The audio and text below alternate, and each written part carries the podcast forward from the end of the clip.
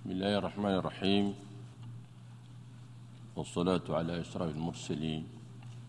سيد الرئيس أصحاب الجلالة والفخامة والسمو صاحب المعالي أنطونيو غوتيريس أمين العام للأمم المتحدة أصحاب المعالي والسعادة السيدات والسادة. يسعدني أن ألقي باسم فخامة رئيس الجمهورية سيد محمد الشيخ الشيخ غزواني كلمة الجمهورية الإسلامية الموريتانية في هذه الدورة.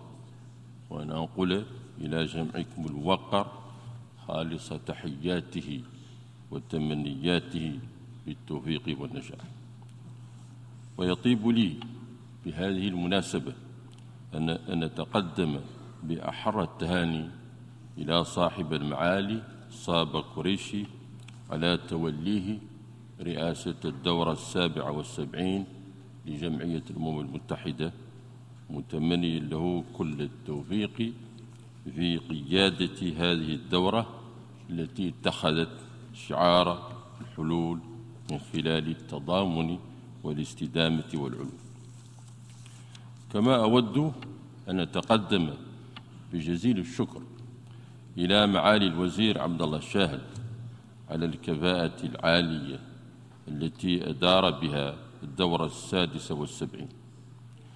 كما أعرب عن فايق تقديرنا واحترامنا للأمين العام للأمم المتحدة السيد أنطونيو غوتيريس لما يبذله من جهود لتطوير منظمة الأمم المتحدة وتعزيز دورها. سيد الرئيس السيدات والسادة. تنعقد دورتنا هذه في ظروف بالغة التعقيد على مستوى العالم. تتمثل بالحرب في أوكرانيا وجائحة كوفيد 19 علاوة على التهديدات الإرهابية المختلفة والكوارث الطبيعية الناجمة عن التغير المناخي وبالفعل لقد شكلت الأزمات المتلاحقة التي يواجهها العالم اليوم وتداعياتها الاقتصادية والاجتماعية والإنسانية غير المسبوقة. تحديا كبيرا على كافة الأصعدة وعلى الأمن الغذائي العالمي بوجه خاص. ومن الطبيعي ومن الطبيعي أن يكون هذا الوضع الصعب أكثر حدة وخطورة في الدول النامية بسبب هشاشتها وضعف قدرتها على الصمود. وقد قامت الحرب في أوكرانيا والعالم لم يتعافى بعد من تداعيات الجائحة وتسببت في تعطيل إمدادات الغذاء والطاقة والسلاسل التوريد مما أدى إلى ارتفاع إلى ارتفاع مذهل في أسعار السلع بشكل عام. ولولا الجهود الجبارة التي بذلتها مشكورة الأمم المتحدة والتركيا وكل الأطراف المعنية والتي أفضت إلى التوصل للاتفاق الهام حول استئناف تصدير الحبوب والأسمدة عبر ممرات آمنة لوقع العالم في كارثة محققة. ومع ذلك فإننا نعتبر أن التدابير المتخذة في هذا المجال من طرف المجتمع الدولي لا تزال دون المستوى المطلوب. لذا فنحن مطالبون جميعا اليوم بمضاعفة الجهود لإيجاد حلول تضمن الأمن والسلام والعيش الكريم لكل شعوب العالم. وتلك كما تعلمون هي الأهداف التي من أجلها أسست منظمة الأمم المتحدة. ومن هذا المنبر يطالب بلدي الجمهورية الإسلامية الموريتانية المجتمع الدولي بتحمل مسؤولياته تجاه الدول النامية والفقيرة ومساعدتها بشكل سريع على مواجهة التحديات التي تهدد أمنها الغذائي واحتواء الأضرار الناجمة عنها. وفي هذا الإطار نجدد دعوتنا لإلغاء المديونية الخارجية لدول القارة الإفريقية السيد الرئيس سيدات والسادة ما من شك في أن الفجوة التي التي تتسع يوما بعد يوم بين عالمين دخل أحدهما بخطى حديثة بالثورة الصناعية الرابعة. بينما لا يزال الثاني بفعل الجهل والفقر والإرهاب يرزح تحت نير التخلف. تدعونا للتفكير مليا وبصورة جماعية متضامنة لإيجاد الحلول المناسبة للاستجابة لتحديات العصر وصيانة إنسانية الإنسان. ومن ثم فإنه يجدر بنا أن نستحضر هذه المفارقة ونتأملها في هذا في هذا المحفل الدولي الكبير الذي ينعقد تحت شعار التضامن والاستدامة والعلوم. كما يمثل فرصة لتقييم مدى نجاعة المقاربات والخطط المعتمدة لرفع التحديات المشتركة. واسمحوا لي في هذا المقام أن أقدم بإيجاز جهود بلادي لإرساء دعائم دولة القانون والحكامة الرشيدة وتوطيد اللحمة الاجتماعية وتأهيل الإنسان والمحافظة على كرامته وصحته سبيلا لتوفير شروط النهضة الوطنية والتغلب على معوقات التقدم والازدهار. لقد خطى بلدنا خطوات هامة على درب تسييد قيم المساواة والعدل والترقية الديمقراطية والحريات الفردية والجماعية وحرية الصحافة وانتهاج الحوار والتشاور كأسلوب لإدارة الشأن العام والإشراك الفاعل للمجتمع المدني في الاستراتيجيات التنموية وكرس فصل السلطات واستقلال القضاء وتمكين البرلمان من ممارسة دوره كاملا في الرقابة والمساءلة. وتم اعتماد الشفافية في تسيير الشأن العام وفي استغلال الثروات الوطنية وتطوير الآليات القانونية والتنظيمية الكفيلة بالقضاء على الفساد والرشوة.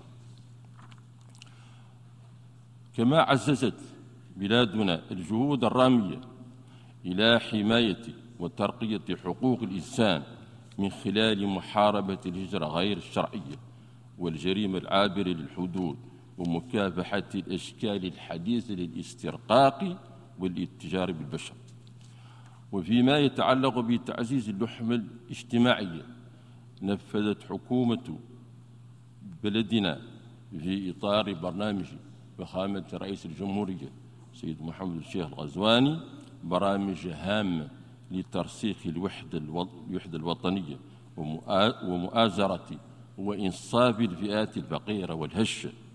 نذكر منها على نذكر منها على سبيل المثال ضبط أسعار المواد الأساسية وضمان التموين الدائم للسوق بها ومنع المضاربة وتحمل أعباء التأمين الصحي عن 15% من من من السكان كمرحلة أولى قبل تعميمه. كما كما تقدم بلادنا من جهة أخرى المساعدة اللازمة لأزيد من 85 ألف لاجئ من جمهورية مالي الشقيقة في مخيم بره جنوب شرق موريتانيا بالتعاون مع ممثليات الأمم المتحدة المعنية المعتمدة في موريتانيا. وفي إطار الاستثمار في الرأسمال البشري تم إعداد برامج واسعة لتكوين الشباب وتأهيله وتمكينه من ولوج سوق العمل وحمايته من الغلو والتطرف. كما تم تعزيز تعزيز تمكين المرأة وإشراكها بقوة في الحياة السياسية وتسيير الشأن العام. وفي ذات السياق شرعت بلادنا في عملية إصلاح واعد لمنظومة التربوية تنطلق من تشخيص دقيق لمكامن الخلل فيها شاركت في إعدادها إلى جانب المختصين جميع مكونات الأسرة التربوية والقوى الحية في البلد. في مجال الصحة تبذل بلادنا جهودا مضاعفة للعناية بصحة المواطنين من خلال توسيع نطاق عرض الخدمات الصحية وتحسينها وضمان الولوج إلى الأدوية عالية الجودة.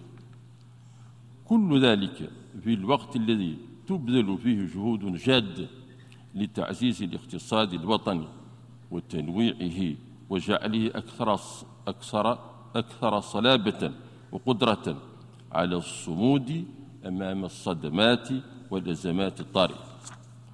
سيد الرئيس سيدات والسادة لقد حرص بلدنا موريتانيا على وضع مقاربة شاملة لمكافحة الإرهاب ومختلف أشكال الغلو والتطرف تراعي الأبعاد الأمنية والفكرية والاقتصادية والاجتماعية. وتم العمل في هذا الإطار مع شركائنا الإقليميين والدوليين على تكثيف التشاور والتنسيق في تنفيذها مع مراعاة الاحترام التام لحقوق الإنسان.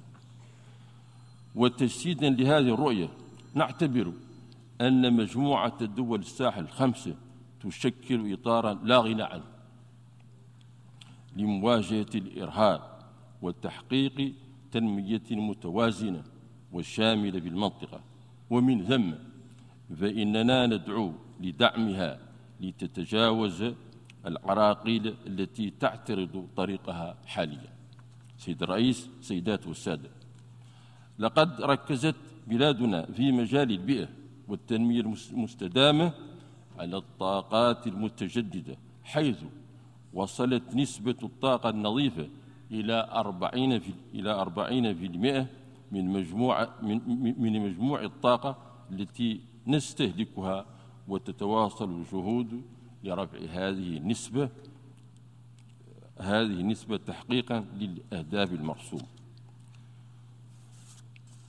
وفي هذا الميدان يتنزل مسعى موريتانيا إلى أن تستفيد أن تستفيد من مقدراتها الطبيعية الهائلة تتمثل في وفرة الرياح وأشعة الشمس لإنتاج الهيدروجين الأخضر بما يدعم الصناعات المحلية ويخدم التطور الاقتصادي والاجتماعي للبلد.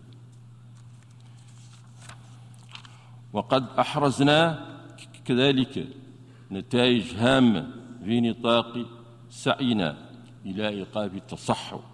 وإعادة تأهيل المساحات التي تضررت بسبب هذا بسببه. هذا علاوة على الجهود المبذولة لعقلنة استغلال مواردنا البحرية واستعادة التنوع البيولوجي لمنظومتنا البيئية وفي هذا السياق تعلق بلادي آمالا كبيرة على قمة المناخ كوب 27 في مدينة شرم الشيخ بجمهورية مصر العربية الشقيقة في نوفمبر القادم وتتطلع إلى أن تحترم الدول الصناعية التزاماتها بخفض الانبعاثات وكذلك تعهداتها في قمة في قمة باريس. سيد الرئيس السيدات والسادة إن بلاد موريتانيا تجدد وقوفها الدائم إلى جانب القضايا العادلة في كل مكان من العالم ومن هنا تؤكد ميل تمسكها بحق الشعب الفلسطيني في الكرامة والسيادة في إطار دولة مستقلة عاصمة القدس الشرقية طبقا لمبادرة السلام العربية والقرارات ذات الصلة وتجدد كذلك شجبها للخروقات الإسرائيلية المستمرة لحقوق الإنسان في في فلسطين وباقي الأراضي العربية. حرصها على ضرورة السعي الجاد للوصول إلى حل سياسي يصون وحدة الجمهورية العربية السورية الشقيقة واستقلالها وكرامة شعبها وحقه في العيش في أمن وسلام دعمها للشرعية في اليمن الشقيق ودعوتها إلى انتهاج سبل الحل السلمي وفقا لمبادرات العربية والقرارات الدولية ذات الصلة. موقفها الثابت من النزاع في الصحراء ودعمها ودعمها لجهود الأمم المتحدة ولكل قرارات مجلس الأمن ذات الصلة الرامية إلى إيجاد إلى إيجاد حل مستدام مقبول لدى الجميع. دعوتها إلى إيجاد حل يصون وحدة وسيادة دولة ليبيا الشقيقة ودعمها للجهود الدولية في هذا الصدد. دعمها للجهود للجهود المبذولة للعودة إلى الوضع الدستوري في جمهورية مالي الشقيقة. قلقها من استمرار الحرب في أوكرانيا ومطالبة الأطراف المعنية بالجلوس إلى طاولة المفاوضات بقية التوصل إلى حل ينهي الحرب ويجنب المنطقة والعالم المزيد من المآسي والدمار وأشكركم والسلام عليكم ورحمة الله تعالى وبركاته.